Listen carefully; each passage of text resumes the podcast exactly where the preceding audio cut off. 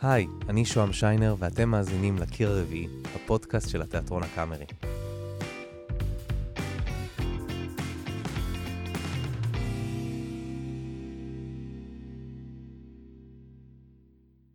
היי כולם, אז היום אנחנו בפרק מיוחד שהוא בעצם שיחה על ההצגה אדיפוס.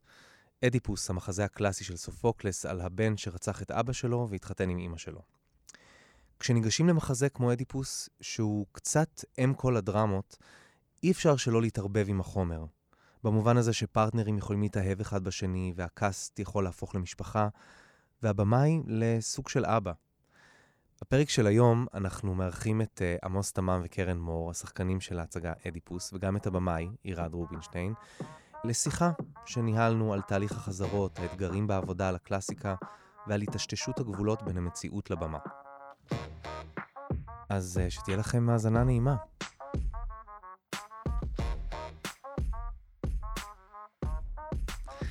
אז אנחנו בפודקאסט uh, מיוחד היום, אנחנו בעצם, למעשה זה, זהו פאנל uh, שאנחנו עושים אותו עם השחקנים הטריים החדשים האנונימיים, עמוס תמם וקרן מור. מכירים? תגידו שלום, שלום רגע לפוד. ערב טוב, בוקר היי, טוב. היי פוד. היי, איזה כיף. והבמאי, במאי הבית, והבמאי התיאטרון המהולל, לירד רובינשטיין, שלום לך. שלום, שלום. מה הולך? היי. אבל במקרה הזה גם צריך להציג אותך, כי אתה גם שחקן בהצגה. נכון. נכון. אתה גם גיסי ואח של אשתי, נכון, של קרן. נכון, נכון. אז אה, שוהם שיינר, היי, שלום. קריאון. זהו אני. Oh, yeah. uh, אז אנחנו באנו לדבר על אדיפוס. מה... אוקיי, ירד. אחרי 20 ומשהו הצגות שכבר עשינו, ואנחנו רואים תגובות די מטורפות. אנחנו גם מקבלים כאלה... בלי עין הרע. בלי עין הרע. חמסה חמסה. תעשי. תסביר לי מה, זה, מה הופך את זה לכל כך מצליח בעיניך. אני חושב שהחומר עצמו, שפשוט אה, אולי לא... אה, אה, עשינו הרבה, עשינו, אני מכליל את הסחבק שלנו, רוברט אייק, בחברות. רוברט אייק הוא המחזאי של הגרסה הזאת שאנחנו... הוא המעבד בעצם, הוא עושה את העיבוד כן. של הגרסה שאותה אנחנו משחקים. מהמם. ואני מרגיש שקודם כל הוא, ואחרי זה כולנו, עשינו איזה מין אה, יד אחת כדי לייצר איזה, מין, איזה מנהרה שבה אנשים יוכלו לגלוש לתוך החומר הזה בצורה יותר קלה ונוחה. אבל הפטיש בראש זה הוא, זה, זה סופוקלס, זאת אומרת, זה החומר המקורי, אז אני חושב שזה בראש ובראשונה עושה את זה חזק. אז מה- שהחומר הוא, הוא, הוא חזק. מה חזק בו? כאילו, מה... מה... אני, כן. אני חושב ש... כשהקאמרי אה, התחילו למכור את ההצגה הזאת, אז הם שיווקו אותה כלא נאמן למקור, בגלל שזה עיבוד. ואני זוכר שבאיזשהו שלב בחזרות, בשלב די מתקדם, ירד התחיל להגיד, אה, זה לא נאמן למקור, אבל זה מאוד נאמן למקור. כי אתה בעצם רואה אדיפוס, שהוא מתרחש בימינו אנו, באיזשהו מקום, באיזושהי מדינה מערבית בעולם. עיתונאים, מסיבת עיתונאים, אה, מדפסות, אתה יודע, הכל מאוד מאוד... זהירות עם ספוילרים. היום מי- הכל מאוד מימינו. מהמם. ואיכשהו אתה מרגיש שאתה לא מפספס שום פנייה, שום צומת, שום נקיק בסלע בסיפור המקורי. אני חושב שההצלחה היא קודם כל בעיבוד. שהעיבוד הזה הוא באמת מצליח לספר, כמו שירד אמר, זה התנ"ך של כל המחזות. זה, אתה יודע, זה סיפור כל כך טוב, כל כך תמציתי, בנו עליו תיאוריות פסיכולוגיות, ואתה יודע, אדיפוס. כן, זה אלמותי. זה כאילו באמת, אה, ואני חושב שהדבר הזה, שכשהחומר טוב, וגם הוא מתלבש טוב עם העיבוד, אז נקודת הפתיחה היא מאוד טובה. כן. עכשיו בוא נתחיל. אני חושב שזה לא האיש שמגלה ש... אלא זה האיש שחוקר מה רקוב, וזו התשובה שהוא מגלה אחרי שהוא חוקר במו, במו ידיו, בהתכוונות מאוד גדולה, הוא חוקר את זה, וזה מה שהוא מגלה. זאת אומרת, יש בזה משהו מאוד חזק בכל הקונספט הזה, שאחר כך שוכפל והועתק, וכל... ל- לאלף ורסיות שונות, החל מ Fight Club וכלה ב... אה, אני יודע מה, אה, שבעת צעדים הקוריאני. Shutter Island. כן, זה כאילו, הבעיה נמצאת בך. אתה מחפש את האויב והאויב בפנים. הבעיה נמצאת בתוך, בתוכך עצמך. זה קונספט שהוא מהפכני. Mhm. יש בו משהו אפילו, אה, יש בו משהו כל כך מתקדם, וכל כך, אה, זאת אומרת, תפנה את האצבע רגע פנימה, תסתכל פנימה. בדבר הזה, בתור התחלה, יש את ה... זה הלב של, ה... של החומר הזה, זה הלב של מה שהוא מנסה לעשות. ויש פה עוד איזשהו רעיון אחד שהוא מאוד חזק, שזה שאתה... הבן אדם מנסה לברוח מאיזושהי אלימות גדולה בעבר שלו, והוא רק מקיים עוד ועוד אלימות. זאת אומרת, האלימות נמשכת, הוא רק מגלה עוד, עוד אלימות. זה מין מעגל כזה של אלימות, כמו המעגל שבו אנחנו מצויים במדינה שלנו. זה, זה מין אלימות שהולכת ומתגלגלת. הסודות בעבר הם אלימים, והוא בורח מהאלימות הזאת, הוא בורח כדי לא להרוג, ובעצם בזה הוא הורג. יש בזה איזה מין, מין... אה, אה, אה, הבריחה הזאת שלך מהטבע האלים של עצמך, רק בשביל לפגוש אותו שוב ושוב. אז כל הרעיונות האלה ביחד, כשהם מתנגשים, זה מה שניסינו לייצר בהצגה הזאת. ובאמת, בין כל הרעיונות האלה, נגיד, אתה מרגיש שיש איזשהו ציר אחד שאתה בחרת להתמקד בו? כאילו, כי גם יש פה את הסיפור של יוקסטה שנכנסת, ויש כאן איזשהו סיפור על זוג לא, גם. זה, אני חושבת שזה כל, כל דבר, מה שחזק במחזה טוב, זה שהדבר שזור בדבר. Mm-hmm. זאת אומרת, זה כאילו, אתה לא... זה כמו איזה מגדל, שאם אתה תוציא מישהו אחד, זה הכל יתמוטט. זאת כן. אומרת, זה הכל קשור. אני חושב שבהפקה הזאת, אני חושב שהלב שה, של מה שקורה, זה בעצם היחסים האלה בין, בין השניים האלה שיושבים פה לידי. זה עיקר הכוח. אבל בכלל, אני חושב שזאת הצגה שאם אנחנו, אם אנחנו, אם דיברנו רגע על אלמנט אחד שזה הסיפור, שזה המחזה, אז מפגשים זה, זה, אני גם מסכים ממש, וזה מעבר למפגש הזה, שהוא מפגש שטומן בחובו סוד גדול בין, ביני לבין קרן, בין אדיפוס ליוקסטה, יש בהצגה הזאת אה, אה, את כל שכבות הגיל. יש שחקנים בני 20, 30, 40, 50, 60, 70, 80, 90. מרים, מרים זוהר, זוהר היא, היא, היא, היא הצעירה שבקאסט, באמת ברוחה היא הצעירה שבקאסט. חד משמעית. וחיסקי שלידה הוא צעיר, כי הוא איזה שמונה שנים צעיר ממנה. ובאמת יש אה, אה, את קורא, שהוא, ויש את אבי טרמין, ואחרי זה קרן, קרן. ואז אני, לא, ואז יש את החבר'ה הצעירים, עד הילדים, עד, אה, עד הילדים שלנו. ועד ליחס, שהיא ממש בפועל בת 23. כן. זה גם חלק מאוד עוצמתי בהצגה הזאת, שאתה בעצם רואה, אתה, אתה רואה, שאם אנחנו מדברים על זה, הוא דיבר קודם על זה שהאדם לא יכול לברוח אדם לא יכול לברוח מהעבר שלו, ואנחנו, ב... ככה אני, אני רואה את זה, שאנחנו בעצם, ה cast מקיים את העתיד, את ההווה ואת העבר, והם נפגשים ומתחיל fight. כן. מה באמת במפגש ביניכם, נגיד, קרן, כשהתחלתם, נגיד לפני אפילו שהתחלת, ל, ל, ממש לפני החזרות, שקראת את זה, מה נגיד הדבר שהכי יצא לך ב, בסיפור הזה לא, של אני, האישה הזאת? או... אה, אני איכשהו, כאילו, ב, עוד בשאלה הראשונה שלך. בבקשה. לא, אני מתכוונת, כאילו, אתה יודע, אתה אומר, אה, הקהל אומר, אחי, אחי, כאילו, אני יכולה להתייחס למה זה האחי אצלי. בבקשה. זאת אומרת, אני הכי רציתי לעשות דבר כזה, והכי לא עשיתי דבר מה כזה. מה זה דבר ו... כזה? תפקיד כזה. שהוא מה? שיש בו... טוב, אני מתחילה לשיר פתאום. אה, כשיש בו איזו התמודדות עם משהו אצלי שלא התמודדתי הרבה זמן, שפחדתי מאוד ממנו, שנמשכתי אליו מאוד. אה, וזה נגע לי ב... אני אומרת שעברתי בתהליך העבודה הזה, זה כאילו להיות על פטריות. זה כאילו לקחת סמים, זה כאילו להיות אה, באיזה זון, כאילו קילפתי מעצמי איזה משהו שהוא היה בשבילי הכי. וזה גם תלוי הגיל שלי. זאת אומרת, אה, זה מין תפקיד שכאילו... אה, שם אותי באיזה, אתה יודע, לפעמים זה, זה מין דבר כזה שאני מסתכלת לפעמים במראה, כאילו שאני אומרת, לא, לא, אני בסדר, אני בסדר, ואז אני מסתכלת במראה ומקבלת, יואו, לא, אני לא בסדר, אני, אני באמת, אני כבר לא ילדה, אני כבר לא צעירה, אני כבר, משהו קרה לי, ופתאום כאילו הייתי צריכה לפתור את כתב הסתרים הזה ולהתחבר לעצמי. ו, וזה היה מין איזה תהליך, בזכות שני הפרטנרים פה, שלגבי השאלה הראשונה שלך, מה זה ההכי הזה, שהכי חיבר אותי לעצמי בשלב הזה של חיי. כן. אז, אה, אז אני חושבת שאולי... מה זה הפחד הזה, אבל שאת נורא מדברת? כאילו, זה פחד של הגיל, זה הפחד... הפחד, עכשיו הוא כבר... עכשיו, עכשיו אני כבר לא בפחד. מה פגשת? אבל מה זה, אם את צריכה להגיד לא את זה, לתמצת את זה, מה... אפילו לשחק... אה, לשחק מישהי שהיא איזה... עם סקס אפיל, עם בוערת, והיא, והיא לא ילדה, והיא משחקת עם אה, בחור צעיר. אתה יודע, זה, זה, זה העמיד אותי באיזה...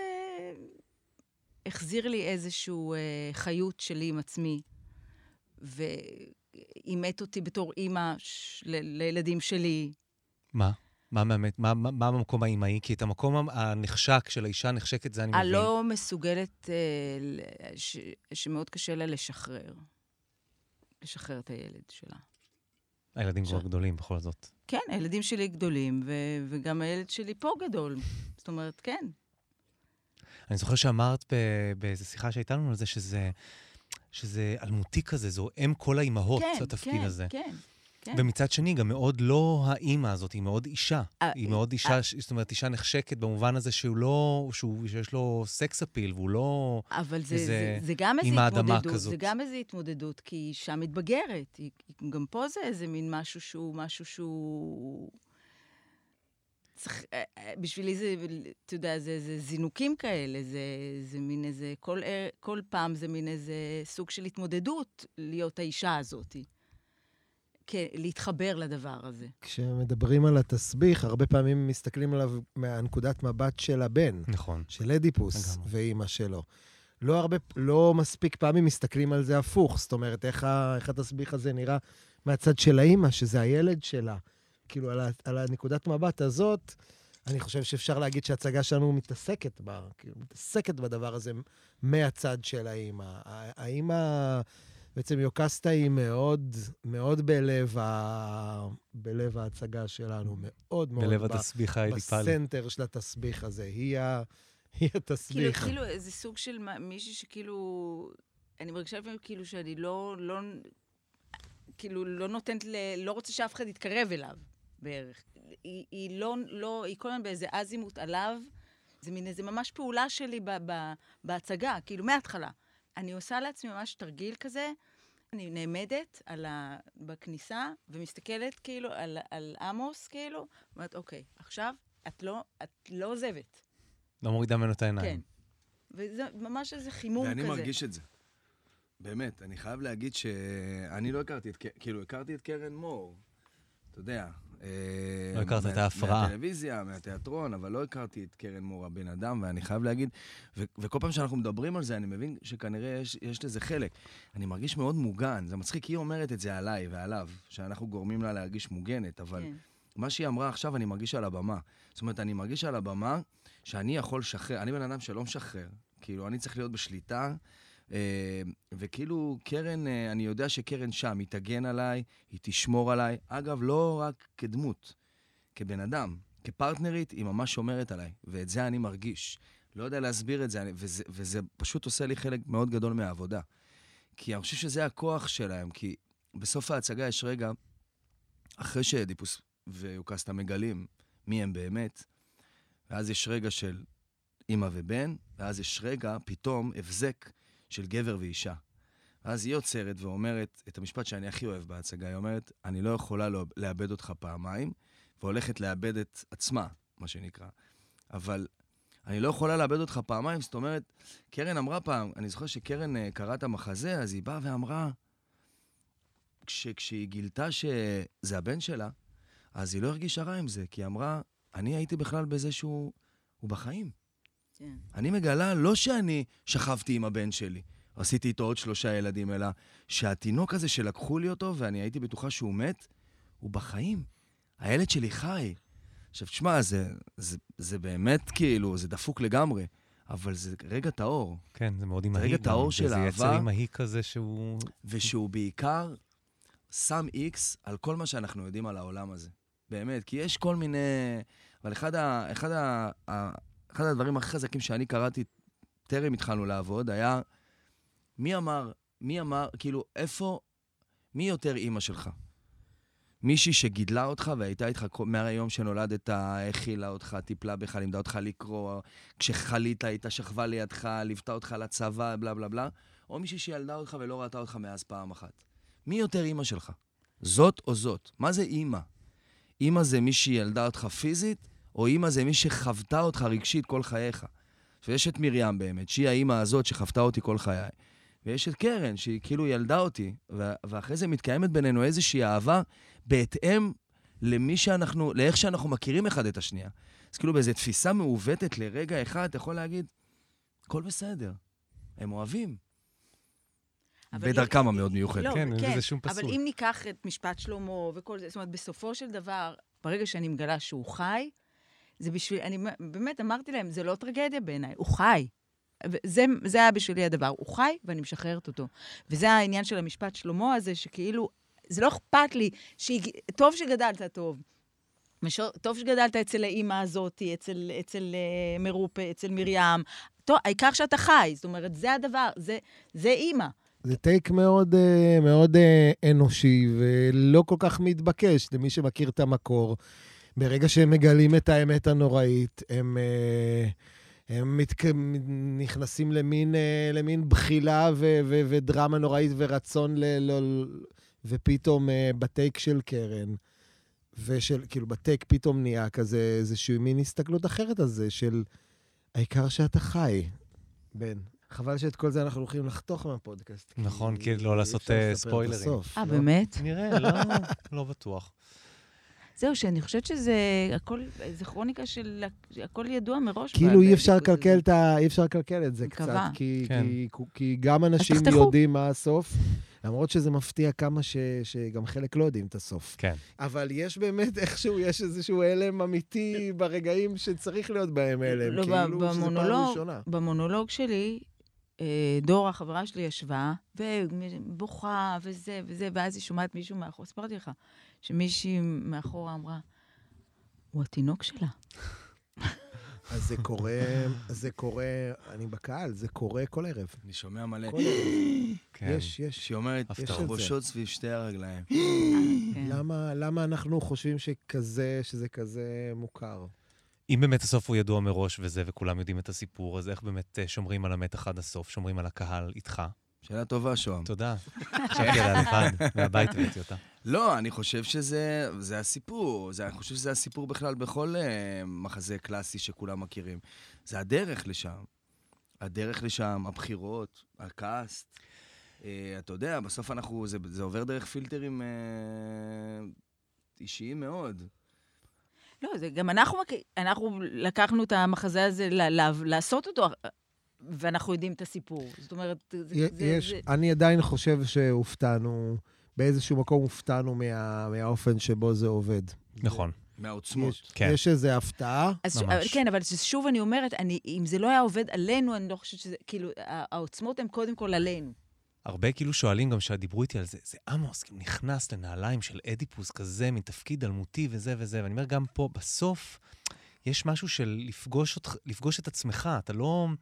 כי גם בגרסה הזאת פוליטיקאי, וזה מאוד מערבי, ואני זוכר שבחזרות גם דיברנו, דיברת על רפרנסים, דיברת על ברק אובמה ועל, אה, ועל יאיר לפיד, ועל כאילו רטוריקה של פוליטיקאי, ובסוף, זאת אומרת, אני אומר, השאלה שלי היא על תהליך עבודה שהוא איך, איך הוא עובר, איך אתה מפלטר אותו דרכך, איך אתה ניגש לזה, כאילו, מבלי... זה, זה, זה... ש... עכשיו זה, זאת שאלה טובה. לא, אבל אני חושב שאני... אני מגלה, אני לא, אין לי איזה, אתה יודע, אין לי איזה מתודה, אני לא... אבל אני מגלה, עם השנים אני מגלה שאני... כנראה שזאת, שהדרך הנכונה מבחינתי, היא פשוט לעבוד על הדברים הקטנים. אני סומך על הבמאי שלי, ובמקרה הזה יש, יש על מי לסמוך. אה, שהוא ידאג לתמונה הכללית. אה, אני בסוף, מה צריך? צריך להיות נוכח ברגע. בסוף אני צריך לקיים את המפגשים האלה שדיברנו עליהם ברמה האישית. זאת אומרת, אם זה מתקיים מולך, יש לי איתך את המונולוג הזה, שאני יורד עליך ואני משפיל אותך, אז אני כל פעם מחדש כאילו מחפש את העיניים שלך, לראות האם הצלחתי הפעם לערער אותך קצת, כשאני אומר לך, כן. בינוניות שלך, כן. הלא פה, לא שם הזה שלך. כי אני יודע שזה נוגע בך, כן. דיברנו על זה. נכון. בסוף זה בזה, כי אם קורה ביני לבינך משהו, סליחה על הקליש... זה קלישאה קצת, אבל זאת האמת. זאת אומרת, אני מתעסק בכאן ועכשיו, ויש, אתה יודע, תיאטרון זה, הצגת תיאטרון זה fucking כאילו, זה מפלצת. יש כל כך הרבה מחלקות שעובדות במקביל, יש את הוידאו, ויש את התאורה, ויש את הסאונד, ויש עוד שחקנים, וכל כך הרבה דברים שעובדים ביחד, אני לא אחראי לתמונה הכללית. אני אחראי למה מתקיים בכל רגע נתון. אני... ויש פה סיפור כל כך טוב, יש פה מהלך כל כך טוב, באמת, שבסוף, once מצאנו את הדרך ל- לעשות את הטיול הזה של אדיפוס, כי שם הסיפור, במחזה הזה. לא, לא הגודל של התפקיד ולא שום דבר כן, אחר, רק איך. איך עושים מהלך כזה מאדם, אה, מה שנקרא, מאוד זחוח, אה, על גבול היהיר, אה, שהוא עוד שנייה הולך להיות ראש המדינה, השפיץ של השפיץ, ומתוך המקום הזה הוא אומר, אני רוצה לגלות כל מה שרקוב פה, ואני אח- אחשוף את כל השחיתויות. והוא מסיים, אה, בוא, מסיים באמת הכי גרוע שאפשר לסיים. ואני, ויש לי, יש לי סיפור קטן על זה, שכל הזמן חיפשתי את זה ולא ידעתי איך. אז חיסקי פעם בא ואמר לי, באחד הראנים הוא אמר לי, אה, אתה צריך להתחיל את ההצגה שיש לך זיק קטן של הסוף. שזה שיודע. לא משהו שחשבתי עליו לפני. כן, כי הוא אמר לי, הרבה פעמים אנשים כאלה, שיש להם איזה סוד, והם אפילו לא יודעים אותו בעצמם, הם כן יודעים אותו באיזשהו מקום זה. עמוק עמוק בתוכם. כן. אז אם תשמע, אם תביא קצת מהדבר הזה, כמו, כמו כשאתה מטבל, אה, כמו שאתה שם פפריקה על חומוס, לא יודע למה היה לי הרעיון הזה עכשיו, אין לי מושג. אבל קצת כזה, תשים שם טיפה מהתבלין הזה. של הסוף. ושוב, אני. לא עשיתי כלום, לא עשיתי שום פעולה, אבל עצם ההבנה הזאת עשתה לי משהו מאוד משהו. נכון, הושיב את כל העסק. אני באמת לא יודע. אני באמת חושב, אני רוצה להתחבר לדברים האלה שאתה אומר, אני חושב שהאימפקט הכל כך חזק הזה שיש על הקהל, זה שבאמת בסוף אתה מפלטר, וגם אצלך, קרן, אתם מפלטרים את הכל, את כל הטקסט, כל הסיפור הקלאסי הזה, דרך, דרך האישי שלכם לגמרי, כמו שאמרת, אתה...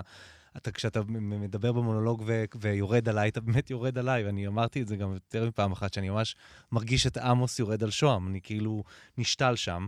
וגם קרן, יש קטע בהצגה שאת אומרת, אני תמיד אומרת שיש לי שלושה ילדים, כן. ארבעה ילדים, שניים בני כן. 18, אחד בת 19 ואחד בן 45, ובהצגה, תספרי. כן, לא, כן, שהייתה לי הצגה. זה מה שאני אומרת, החיבור האימהי, שהייתה לי הצגה, שאמרתי, שניים בני 18, אחד בת 19 ואחד בן 24. והבן שלי, כי לקרן יש ילד בן בן עליו, 24 בן- איתך. כן, זה אז פשוט- זה כאילו. במקום 45, כן, הגיל כן. של אומרת על אה, עמוס. כמובן עניתי לה על הבמה, תודה על המחמאה. כן.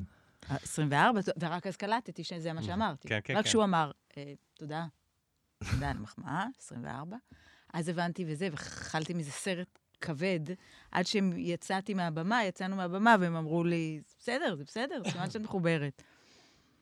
פה נכנס, נכנסת מערכת יחסים עם במאי באמת, כי אני צריך להרגיש מאוד בטוח אה, ולדעת, אה, ואז אני יכול לוותר, כי אתה יודע, בסוף, בסדר, אני שחקן, ואני יודע מה יש לי לתת, אבל אני צריך שמישהו יוציא אותי רגע מהאזורים הנוחים, מכל הדברים שהם ה-obvious, שאני אקח איזה רפליקה ואני, וישלח אותי קצת לאזורים שהם טיפה פחות נוחים לי. אה, וכן, אם אני לא מוותר, אם אתה לא מסכים להיות קצת מכוער וקצת מגוחך, וירד, יש לו, ירד אוהב ללכת לקצוות, אתה יודע, אין הצגה שאני לא, אצט... אני לא אתפשט בה, אני לא אוריד את החולצה, או אני לא... מתלכלך. אתה יודע, בהצגה הזאת, סתם דוגמה, יש סצנה שאנחנו מאוד אוהבים, סצנה של האכילה הרגשית, ששוב, זה משהו שאנחנו, גם אני וגם ירד, בסופו של דבר זה לא במחזה. זה דובר בינינו, וזה בא בסוף מהכאב שלנו, האישי, של לפעמים שאתה לא יכול להתמודד עם רגשות, ואתה הולך לאוכל. אז הדבר הזה הוא מצד אחד הוא האמת, אבל הוא, הוא מהמקום הזה של רגע, אני לא הולך ברחוב ואני אומר, חבר'ה, תקשיבו, בימים שממש קשה לי, אני פותח את המקרר וזה. ואנחנו עברנו עם זה סוג של טיפול, גם אם הטיפול לא הצליח. הייתה לנו תקופה. שהוא סימס לי פעם ב-11 בלילה, אני או שאני, איזה, הוא לא. סגור את הדלת של המקרר. כן. כזה... תשמע, זה גם רגע שאתה עולה לחץ, ואז אתה לוקח משהו לאכול, והיא מורידה לך, ואתה שומע צחוק בקהל, כי הקהל מבין מכירים מאוד- את זה. מבין. מכירים. ברור, מבין, אני, אני מכירה את זה מעצמי. אבל זה מאוד, לקצו, זה מאוד לקצוות. אני חושב שעמוס לוקח את הסצנה הזאת במין יכולת פיזית. יש, יש איזה משהו מאוד... אה, אנשים לא מבינים, הם חושבים שאני אוכל הרבה יותר ממה שבאמת אני אוכל. אני מקבל מלא הודעות כאלה של, איך אתה אוכל את כל זה? כאילו... לי יש, אבל, אבל עדיין הדרישות שאני מציב, שאני מציב בפני שניהם, אגב, יש בזה תמיד אה, איזשהו... אה, זה לא דרישות, כן? זאת אומרת, לאן שאנחנו לוקחים את זה, זה, זה מין... יש בזה גם כן איזשהו אוקסימורון, כי אתה... אתה בתור במאי פשוט שולח אותם לאש, ויש איזה משהו מאוד כאילו... אבל אני, אתה יודע, אני שולח אותם לעשות דברים. הכמויות שהוא מכניס לפה, אני, אני כאילו, איך הוא לא נחנק ואיך הוא לא... זאת אומרת, יש אתגור מאוד רציני, גם פיזי, בהצגה הזאת לשניהם, ו... והם הולכים עם זה עד הסוף, אבל אני תמיד תמיד מרגיש איזה מין, כאילו, איזה מין... אה... איך אני מעז לבקש מהם את זה כשאני יושב לי בחושך? ואני ב- אוהב את זה. בדיוק, לא. בקהל. זה לא רק, מה זה אוהב? זה, זה משהו שאני חושבת שזה משהו, אני מתמכרת לזה. למה? אני מתמכרת לתחושה הזאת של ללכת עד הסוף עם משהו. אני, אני בדיוק היום דיברתי, פגשתי איזו חברה במאית שלא ראיתי אותה מאה שנה, באמת, מלא מלא. כשהייתי ילדה ראיתי אותה, לא משנה, סיפור ארוך, לא, לא לעכשיו. אבל... אה, יש לנו הרבה סרט הקלטה. אבל, אה, אבל אה, אמרתי לה, אני לא יודעת איך אני אעשה עכשיו תפקידים אחרים. זה נורא. כאילו, לא הכל זה שיא, ואני לא יכולה. אני לא מוכנה עכשיו לא לעשות משהו שהוא לא שיא. באמת. ואיך, כאילו, זה כמו שאומרים לי, אה, כאילו, אה, כאילו מאתגרים אותך, זה ברור, זה הדבר הכי טוב, מה זאת אומרת? זה אנדרנלין וזה, וזה מפוצץ את הראש. זה, זה באמת, אני לא צריכה, זה, זה במקום המון המון דברים אחרים ש, ש, שאפשר לקחת, ואני לא לוקחת. כאילו, באמת, זה עושה משהו שהוא... שהוא... לא, זה תפקידים ש... אתה לא, אתה לא, אתה, אתה מתמק... אני מתמכרת לזה. זה, בשביל זה אני חיה, זה אני אוהבת. זה הדברים שאני אוהבת. זה הדברים שאני רציתי, חלמתי עליהם.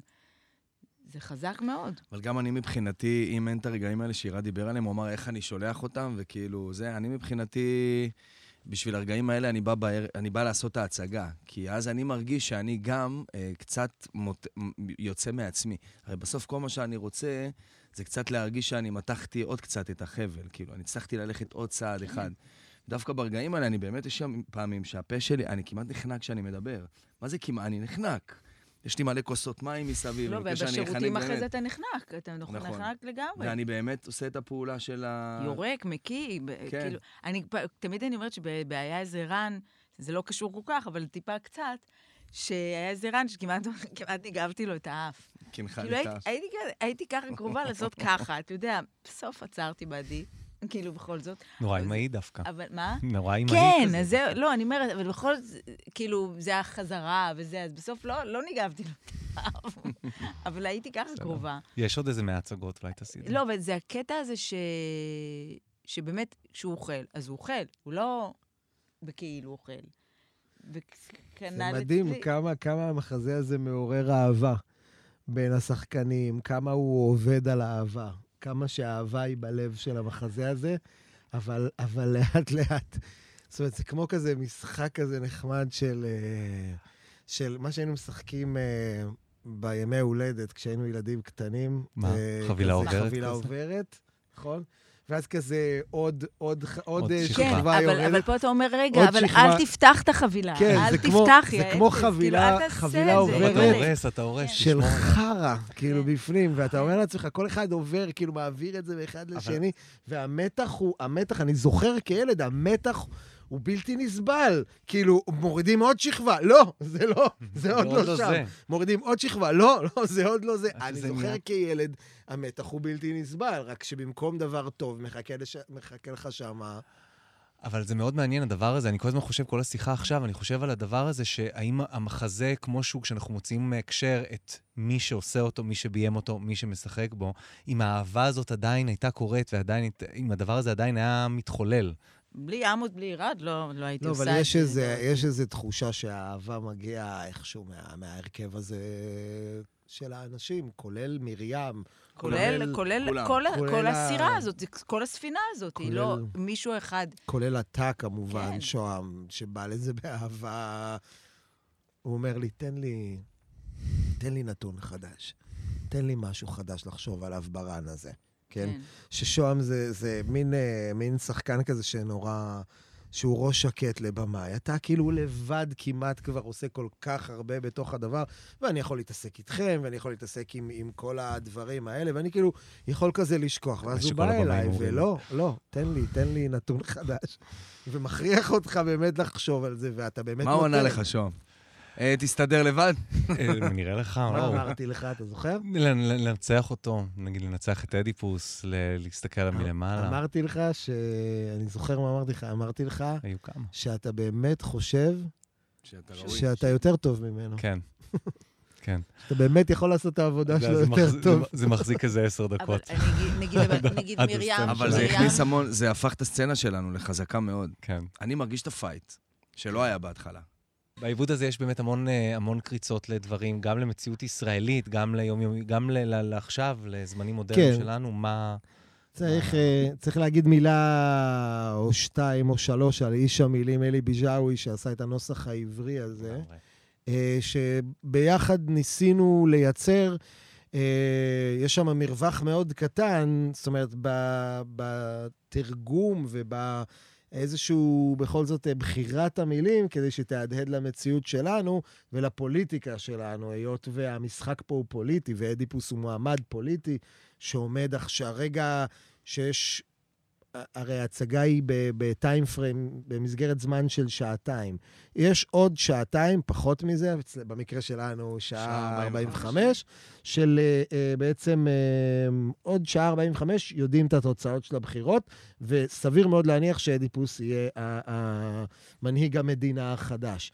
ובמסגרת זמנים הזאת, כל העולם שם הוא עולם פוליטי. אז uh, במקום עולם מלכותי כמו במקור, הוא לא המלך אדיפוס, אלא הוא המועמד אדיפוס, שעומד תכף להיות מלך. והמסגרת זמנים הזאת מייצרת עוד מכבש של לחצים ועוד באמת אה, אה, אה, מסגרת מאוד אינטנסיבית לעלילה הזאת, ואנחנו ניסינו להדהד את זה אה, למציאות שלנו בעזרת בחירות מילים, בעזרת... אה, אה, ניסוחים שיהדהדו את זה, כמו שגם רוברט אייק בעצמו, עיסוק בתעודת הלידה, כמו שהיה סביב אה, אובמה. ברק אובמה, אה, אה, או באמת במונולוג פתיחה, שהוא אומר, מה, איפה שנולדנו זה מי שאנחנו? כל אחד משתייך לאיזה שבט, ואנחנו ככה רפררנו שבט לנאום השבטים, ובאמת למחנאות בחברה הישראלית, שכבר כל אחד באיזשהו מקום, איזה שבט שאתה נולדת ממנו, זה השבט שאליו אתה תצביע, ושום דבר לא יגרום לך לשנות את דעתך, וככה נידונו לנצח להישאר שבטים נפרדים, ולא לא כל, כך,